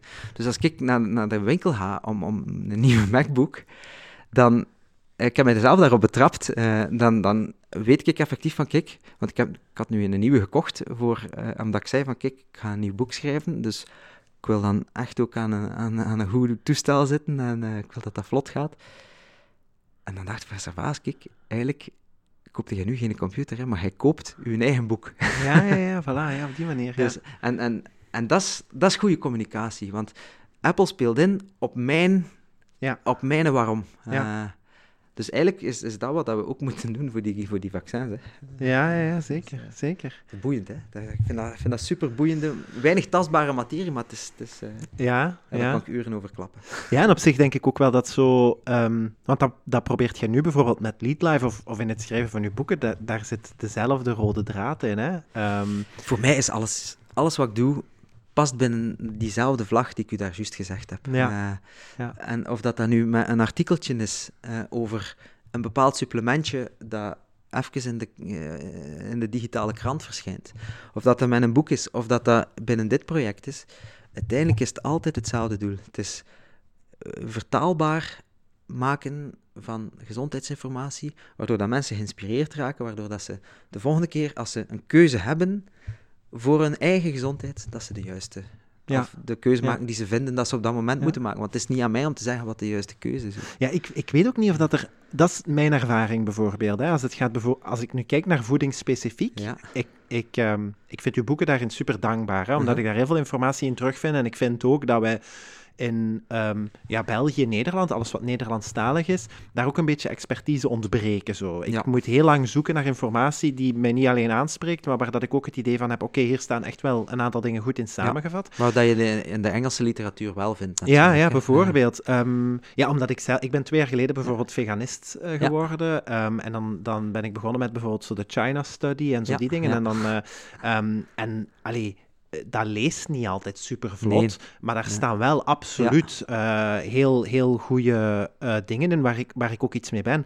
Wat ik wel geleerd heb, maar dat kan ook een misvatting zijn, is dat er niet zoiets is als een one size fits all nee, um, voor ja. voeding. Dus het is, het is een beetje trial and error en, en kijken wat werkt. Ja, maar um, dat is ook een boodschap die ik heel vaak probeer mee te geven aan de mensen. Is van, kijk, kan ik u zeggen wat, dat, wat ik allemaal weet. Maar uiteindelijk gaat uw lijf gaan zeggen of dat waar is of niet. Ja. Uh, en dan kan ik hier een uh, drie uur durende uh, reclametalk voor broccoli geven, ja. bij wijze van spreken. Maar het zou heel goed kunnen zijn dat je zegt van, maar als ik broccoli eet, dan moet ik uh, drie uur boeren laten en ja. dan ben ik helemaal opgeblazen. Ja, ja oké, okay, dan, uh, ja, dan werkt het. Dan mag ik ja. inpakken. ja. ja. En dan dus, ben ik, ik zeg een, een, jaar geleden ben ik dan, um, ja, dankzij of, of, door het lezen van, uh, van het boek, van uw boek over intermittent fasting, ben ik daar dan mee begonnen. En dat was blijkbaar wel een manier die werkte voor mij. Zo, um, ik experimenteer nu een beetje zo met de ruimte waarin dat ik eet. Uh-huh, ja. um, ik denk dat ik nu heel vaak, ik denk 1, 1 tot 7, wat dat al een vrij Ja. kortere ruimte is. Ja. Um, maar ik merk dat als ik later eet, dat dat dan gewoon wat lastiger Ja. verwerkt. Um, en vaak is het gewoon een praktisch Later op de avond bedoelde. Uh, Ja, als ik dan tussen 7 en 8 Ja. bijvoorbeeld nog ga eten. En, en in principe, enfin, als ik om 12 uur kan eten, zal ik om 12 uur eten. Maar in de praktijk is het gewoon veel vaker Ja. 1 uur. Omdat dat ken ik. Je, je hebt ook een job en je moet dingen doen. Ja, tuurlijk. Ehm, dus mijn ruimte wordt wel veel kleiner. En ik probeer dan inderdaad, eh, denk ik, in, ehm, in, in ja, vijf dagen van de zeven sowieso, zo 80-20 probeer ik wel wat Ja. op te letten. Omdat, je, omdat ik van mezelf ook wel weet dat ik mezelf iets moet gunnen. Ja. En ik begin zo wel door te krijgen ehm, wat werkt, wat niet werkt. Voilà, maar ik vind het super moeilijk, omdat... Dus om de duur hebt u je eigen systeem door, hè. Uh, ja, ja, Uh, ja, en weet je, ik heb, ik heb het in het boek geschreven. Ik heb altijd gesukkeld met mijn gewicht. En op een bepaald moment een paar tools gevonden. Eliminatie, intermittent vasten. Ja, dat is Ja. toevallig ook de twee boeken. Dat is niet Ja. toevallig natuurlijk, hè, eh, die, die ik erover geschreven heb. En, en op dit moment is dat dus geen probleem meer om... En er zijn nog altijd periodes dat ik inderdaad drie avonden op rij moet gaan eten en, en misschien een glasje te veel drinken of dit of dat. Maar goed, ja, dat, dat is zo. En, en ik, ik heb, ik heb die, die, balans, die Mhm. balans gevonden. En Ja. die balans die veel belangrijker is dan, dan altijd de goede dingen doen. Want er, er is ook een aandoening van mensen die te gezond eten. Hè. Dat noemt orthorexie. Eh, Ah ja, oké. Dus eh, ai, dat, dat is mensen die, die heel strikt en heel rigide... eh, nooit meer iets van... ai, dat is ook niet... ai, dus dan, dan sla je naar de andere kant door. Zijn, zijn, daar, zijn, daar, zijn, daar zijn nadelen aan verbonden dan ook? maar als jij enkel heel strikt, bijvoorbeeld als je nu zo heel strikt zegt van ik ben veganistisch en, en je gaat enkel binnen eh, die bepaalde bronnen gaan, gaan zoeken, ja, dan heb je hogere risico's op B12 tekort, heb Ja, je hogere ja. risico's op ijzertekort. Ja. Eh, moet je inderdaad zorgen dat, dat, eh, dat je voldoende proteïne binnenhaalt uit plantaardige bronnen. Ja. Maar, en, en jij bent inderdaad iemand, en als ik u de China-studie hoor zeggen, ja, dan weet ik dat je al veel gelezen hebt over, Ja. over voeding. Dan, Ja. eh, want dat is niet het eerste dat, dat mensen Nee. lezen als, als ze over voeding iets willen lezen, natuurlijk. Maar er zijn ook mensen die, die dezelfde overtuiging hebben, eh, maar niet die achtergrondinformatie hebben, of niet de mogelijkheid hebben, of weten hoe dat ze die moeten opzoeken. En dat zijn dan inderdaad de mensen die spiermassa beginnen verliezen, of, of zware B12-tekorten krijgen. En we weten B12 is super belangrijk voor de, uw Hanse methylatieproces. Dus eigenlijk om uw DNA kwalitatief te houden. Mhm. Eh, ja, dus een simpel vitaminetekortje kan, kan wel zware gevolgen Ja, hebben, ja, ja, natuurlijk. ja, ja. En dat is inderdaad Dus, een, eh, kwestie van bewust en geformeerd te zijn. Hè? En daar, ehm, ja, ik- kom ook heel veel nederigheid tegen eh, als het gaat over eten en zo. En Mhm. met nederigheid bedoel ik zo de insteek, dit, het komt wel goed, dat overkomt mij niet. Eh, ik weet dat eten belangrijk, of groter is dan ik als, ehm, ja, moet ik, als Ja. persoon, bedoel ik. Ehm, zoals bijvoorbeeld, ja, ik neem een B12-supplement. Ja. Ik zou ook kunnen zeggen, ja, maar ik eet gezond en evenwichtig, dat zal wel loslopen. Ja, Dat is een beetje zo eh, nonchalant zijn eh, en daar dan achteraf de prijs voor betalen. Dus ehm, voor u werkt, inter- want jij zit ook een, een, Ik ben eh, een- intermittent faster, toch? 7 op 7 eh, vaster. Ik, kan niet, ik kan bijna niet meer ontbijten. Ja. Pas op, soms doe ik het wel eens, maar dan ga ik... eh, Ja. ik, ik heb daar totaal geen... Ik word heel moe dan. geen- Dat is mijn... Ja, eh, ik heb, mijn eerste maaltijd van de dag is de maaltijd die mijn suikerspiegels het meeste, het meeste gaat toen pieken en dalen. Uh, Ja. Dus eh, soms, ah ja, op dagen dat ik echt heel productief moet zijn, dan ga ik soms eh, over de middag niet eten. Of misschien een, een beetje bone broth of zo eh, drinken. eh, Mhm. Of een groentebouillon drinken. En eh, mijn, mijn lunch of breakfast Ja. dan gaan uitstellen naar, naar drie, vier uur. Eh, Ja. Waarom? Omdat ik dan die twee, drie uur nog erbij krijg. Als ik, ja, soms, soms zit ik echt zo in, in een gefocuste zone, Mhm. dat ik zoiets heb van, ja, waarom zou ik er nu uitgaan door, eh, Mhm. door te gaan eten? En op andere dagen geniet ik ook heel hard om met de mensen van het team een keer een, een, een leuke lunch te hebben, omdat je Mhm. dan een keer kunt, kunt lachen en een keer... Ja. het is ook een sociaal, eh, een sociaal fenomeen, hè. Ja. Eh, dus ja, ik, ik, ik, en voor mij, ik zeg het, voor mij is het, het, is het heel makkelijk om toch mijn sociaal leven eigenlijk eh, een beetje te houden. Mhm. En, en toch die, die gezondheidseffecten te ervaren eigenlijk. Mhm. Dus Ja, ik zeg het, en, en ik voel mij, ik voel mij echt beter als, op momenten dat ik, dat ik die insulinespiegel als, laag, laag Ja, kan houden. ja.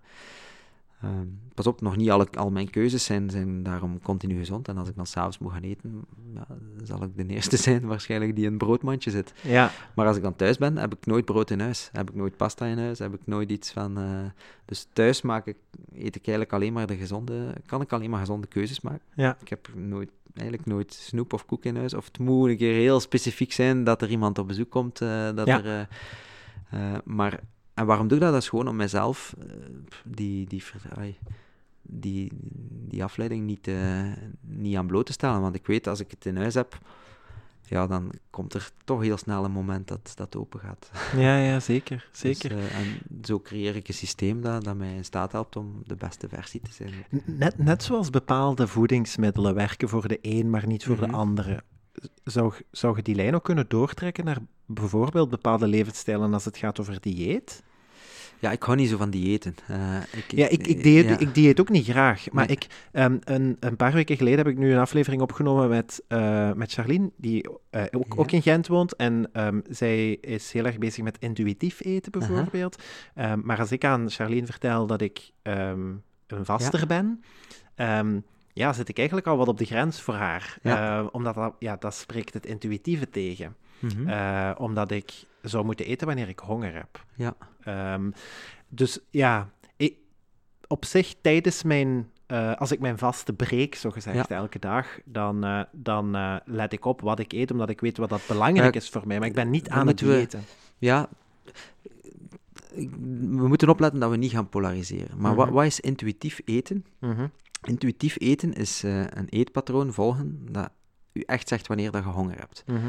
Maar eh, is intuïtief eten überhaupt nog mogelijk als we weten dat we allemaal hondjes van Pavlov zijn, die geconditioneerd zijn van jonge leeftijd om s morgens te ontbijten, s middags eh, lunch te eten, s'avonds avondeten te Ja. eten. Eh, tuurlijk, als we dat 2, 3, 4, 5 jaar doen, of 10, 20, 30 jaar doen, tuurlijk gaat ons intuïtie zeggen, ah ja, nu moet ontbijten, nu moet de middag eten. Dus de, wat met het aspect conditionering Ja, en, en intuïtief eten, dat is, dat is een eerste. Ten tweede, intuïtief eten, kinderen doen dat. Ja. Eh, dus laat ons dan even naar die jonge kindjes gaan kijken. En hoe vaak zeggen die niet, of adolescenten eigenlijk ook nog tot op een bepaald niveau van ik heb geen honger. Eh, en wat doen we dan als, als ouder? Ja, je moet je bord leeg eten en je moet eh, dit of dat. Dus we gaan eigenlijk op dat moment die intuïtie echt gaan kapotmaken. ja. Eh, dus ik geloof niet zomaar in het one-to-one verhaal om dan te zeggen op volwassen leeftijd, als uw lichaam u zegt dat je honger hebt, eh, Ja. is het uw Ja. intuïtie? Nee, het is niet uw intuïtie, het is uw conditioneringspatroon. Ja. Dat is, Nu, ik denk wel dat ze, Ja. want zij is, zij is daar bijvoorbeeld heel sterk in, hè, om, om, ehm, want zij vertelt hetzelfde verhaal over kinderen die dan ook gewoon gerust een, een half een, een half bord kunnen eten en zeggen ik heb genoeg. En dan gaan wij als volwassenen, die dan ja, per definitie minder intuïtief Ja. denken, daar toch dat proberen doorbreken. Ja. Eh, en, en bijna eisen dat het toch volledig eh, wordt opgegeten. Ehm, zij maakte bijvoorbeeld ook, en ehm, dat is eh, ja, een super gemakkelijk voorbeeld, maar dat was mij daarvoor nog nooit opgevallen. Eh, als we het over Pavlov hebben, Uh-huh. gaan wij kinderen op momenten dat ze zich slecht voelen ook belonen met koeken. Ja. Eh, of ongezonde dingen. Inderdaad. Waardoor dat wij, als wij volwassen zijn, Gaan we hetzelfde Ehm, doen. als we ons slecht voelen, gaan we naar hebben, comfortfood. eh, ja, Ehm, en dan denk ik, ah ja, dat is eigenlijk waar. We, we creëren die situatie eigenlijk zelf Mhm. eh, door dat door te geven aan onze kinderen. Ja. Ehm, ik denk wel dat zo, um, het intuïtief verhaal is, is, is een moeilijker verhaal, omdat ik niet geloof dat je daar van de ene dag op de andere instapt. Maar ze zijn wel bezig zo met die principes van uh, ja, dichtbij te gaan staan. Wat is intuïtie eigenlijk en wat is aangeleerd? En... Weet je, ik denk dat je dan ook weer, net zoals dat, dat we het daarnet over micromomentjes hebben, uh, als je zin hebt om te eten, dan is de eerste vraag van, heb ik zin of heb ik honger? Mm -hmm. uh, en dan weet je dat een, een, natuurlijk hongergevoel, het moment dat ons lichaam schreeuwt om nutriënten, versus het is een emotioneel of geconditioneerde honger, uh, een, die een eerste honger ontstaat vanuit het samenspel tussen leptine en ghreline, dus de twee voedingshormonen, uh, het hongerhormoon en het verzadigingshormoon, die eigenlijk in een balans zijn. Ja. Uh, terwijl dat die een tweede honger ontstaat op niveau van onze gedachten. Ja. hoe kun je het verschil merken? Die een tweede honger, die zal niet aanwezig zijn. En poef, die is daar. Ja. Die een ander honger, door het feit dat dat hormonale cycli zijn, gaat die zo opkomen en gaat ze, hm, zoek ik honger in? Nee, en een uur later gaat ze zeggen, goh, misschien begin ik nu toch wel honger te krijgen. Ja. Dus dat is een veel geleidelijker proces. Dat is eigenlijk al een, een, eerste manier om die twee uit elkaar te gaan halen. Een tweede manier is als je die een echte natuurlijke biologische honger hebt, dan ga je zin hebben om een heel gevarieerde, volwaardige maaltijd die dicht bij de natuur staat te eten. Daar gaat de zin hebben op, om, om echt een goed, goed slaatje te eten. Uh, daar al dan niet een stukje vis uh, of stukje vlees of, of andere plantaardige bron van eiwitten in ieder geval dan uh, bij te pakken. Bedankt voor het begrip. geen probleem, ik versta iedereen wat dat betreft. het is niet aan mij om, nee. om te oordelen daarop. Versus dan indien een andere honger gaat er naar één bepaald macronutriënt gaan craven eigenlijk. En, ja. en bij mensen, dan, dan, weten we ondertussen ook, bij mensen die, die iets meer stress geprikkeld zijn en cortisol en de, de mineralocorticoïden eigenlijk, dus de, de, die gaan soms zoutcraving hebben, uh, andere mensen gaan zoetcraving hebben of vetcraving. Ja. Dus dan gaan we één soort eten. Plus, door het feit dat die een eerste honger uh, door die hormonen ontstaat, gaat die ons ook een heel duidelijk signaal geven van oké, okay, we hebben genoeg gegeten en we zijn verzadigd. En die een emotioneel honger, die gaat dat niet doen. Die gaat nee. zeggen, kom, blijf maar eten, ja, want uh, je bent hier met, met iets goed En dat is, dat is een hele belangrijke om ons bewust van te worden. Uh, en geloof mij, ik heb in mijn periodes dat ik heel onbewust leefde, heel veel van die zakken M&M's en ja. zakken chips en dan nog een pizza erbij besteld of weet ik veel, whatever. Ik, ik heb het allemaal gedaan. Ja, ja. Uh, maar leren wat dat in een honger is, dat is en wat, wat het eigenlijk het verschil is, dat is een superbelangrijke. Maar wat gebeurt er als wij natuurlijk continu eten en, en nooit een keer vasten en, en niet eten? Ja, om de duur die twee hormonen, die leptine en ghreline, die hebben ook zoiets van, ja, dat verzadigingshormoon zit dan constant hoog en dat hongerhormoon zit constant laag. Dus de echte natuurlijke honger, de biologische honger, ja, ik heb hem al ervaren, om, omdat ik inderdaad af en toe een keer momenten gehad heb dat ik, uh, dat ik nu echt zoiets had van, nu, nu ga ik echt wel iets eten.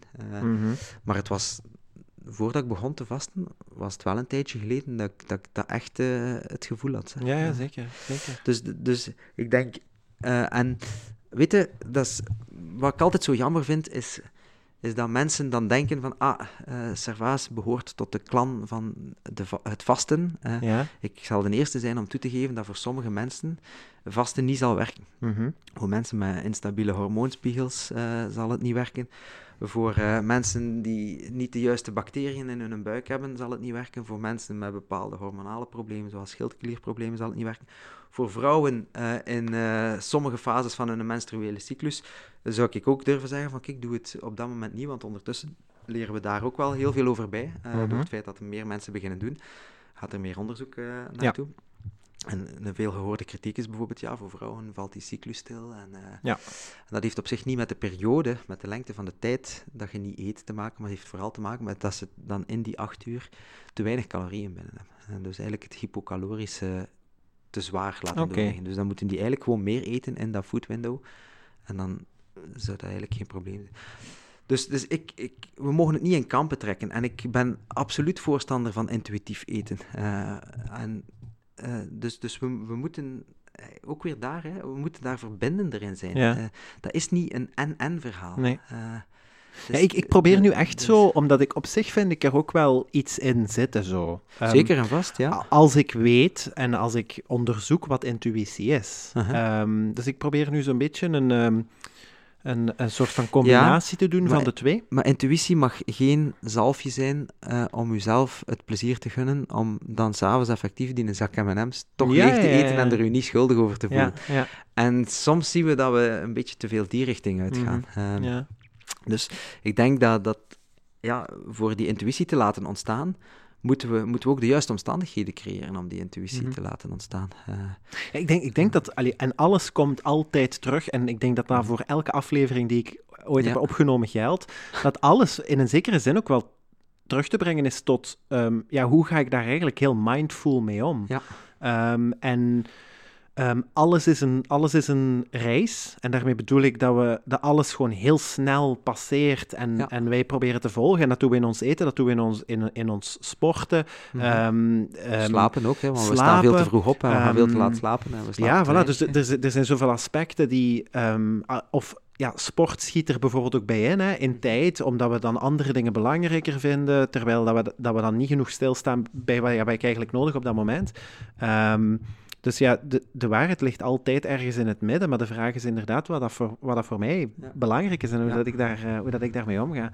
Dus ik vind allee, ook die insteek, um, want ik hoor u ook wel zo over heel het verhaal, allee, ik hoor heel veel zo'n um, nederigheid en niet spreken in dogma's en zo. Ik, ik hoor dat wel altijd graag als mensen dat doen. Zeker mensen zoals jij, die daar al heel veel over geleerd en gestudeerd en geschreven hebben. Ja, um, dat is, hoe meer dat ik studeer, hoe, hoe meer dat ik besef dat ik ik er eigenlijk niks van kennen. Ja, ja, en dat, is, dat, klinkt nu misschien als een cliché, maar het is echt wel zo.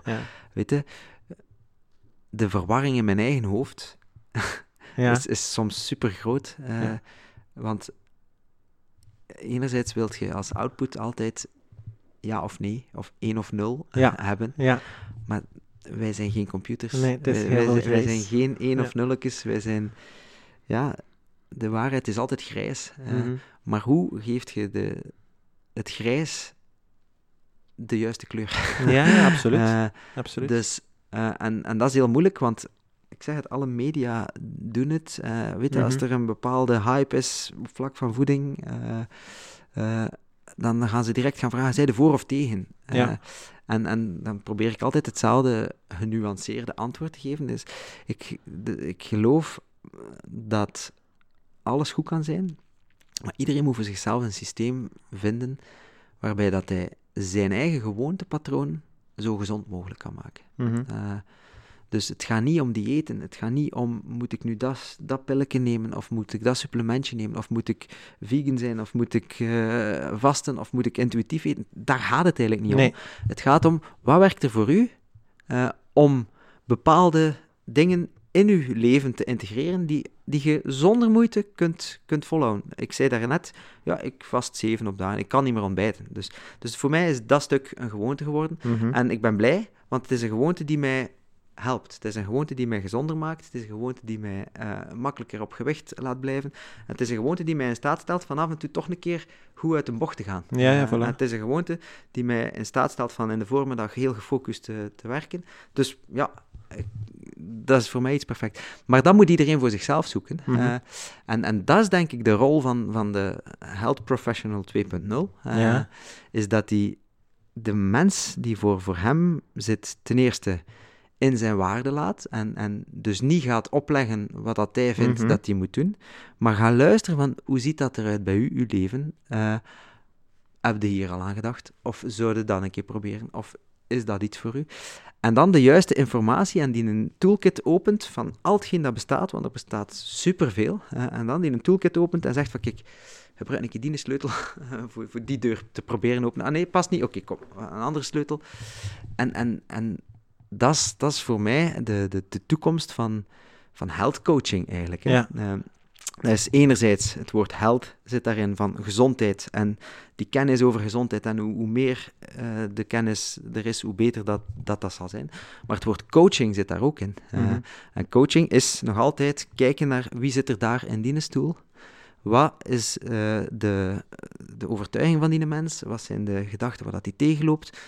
En daarmee aan de slag gaan en dan gewapend met die kennis. ja, absoluut. En ja, en ik vind dat, dat is een super mooi, dat is een super mooie uitdaging om, ja. want dat beroep eigenlijk is nog volop vorm aan het krijgen. Hè? Ja, ja. Maar ik denk, alleen, Dus, eh, ehm ja. ja. Lead Life neemt daar dan bijvoorbeeld wel zo'n pioniersrol in op. En ik denk dat ja, dat... omdat ik eh, geloof dat dat de toekomst is. Ja, dat Eh, gaat het ook worden. Hoop, dus, eh, hoop ik, denk ik, ja. Allee, het zit er in elk geval... eh, we zullen binnen tien jaar nog een, eh, nog een aflevering Ah, wel, dan, dan, kom ik terug, dan kom ik terug. Ja, dat spreken we af. Ehm Servaas, ik, ik was ondertussen ook een beetje de tijd uit het oog verloren, omdat we zo in ons gesprek zaten. We moeten op anderhalve snelheid afspelen. eh, ja, ja, ja. Eh, nee, ik wil u heel erg bedanken voor uw tijd. Ehm, ik, vond, ik vond het super inspirerend. Wat, wat mij, want een paar weken geleden had ik een gesprek met Steven Laurijs, de Ah, ja, neuroloog in, eh, aan, de, aan de Universiteit van Luik.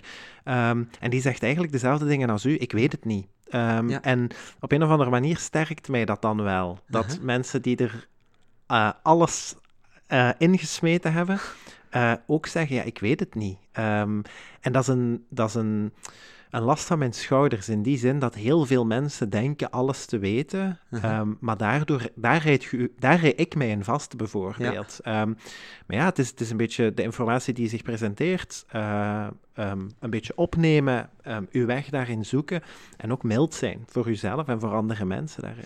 Eh, dat is een belangrijke les, denk ik. Ja, en aanvaarden dat, dat het niet weten ook oké is. Ja, ja, Eh, voilà. voilà. En dat, weet je, op het juiste moment gaan we altijd weten wat dat we moeten weten. Ja. dat is, da- da- daar heb ik op dit moment gewoon het volste vertrouwen in. En misschien is vertrouwen veel belangrijker dan weten. Eh, Ja, dat is, ook, dat is ook mooi. Vertrouwen is inderdaad belangrijker dan weten. Servaas, dikke merci voor uw tijd. Heel Ik wens, graag u, ik wens u die hele grote vlag eh, absoluut toe. Ehm, als, als het gebeurt, maar dat gaan we ook niet weten. Eh, dat is ook vertrouwen, denk ik. Ehm, dan, eh, dan kom ik zeker eens terug. Eh, ondertussen heel veel altijd succes. Ehm, ook met de lancering van, ehm, van het nieuwe boek, die in februari, Ja, hoorde zal ik u zeggen. februari Ehm, of, of maart zijn. Ook bedankt voor de boeken die er tot nu toe al geweest waren. Eh, het, heeft mij, eh, is het heeft mij een heel eh, eind vooruit te horen. Ja. Oké, en, en bijzonder veel succes met Lead Life. Dus ik hoop dat jullie eh, in Limburg ook eens opduiken. eh, Ja, op een we gegeven gaan ons moment. best doen. Eh, Goed. We gaan eerst hier beginnen. Oké, perfect. Servaas, merci. Graag gedaan. Dag hè.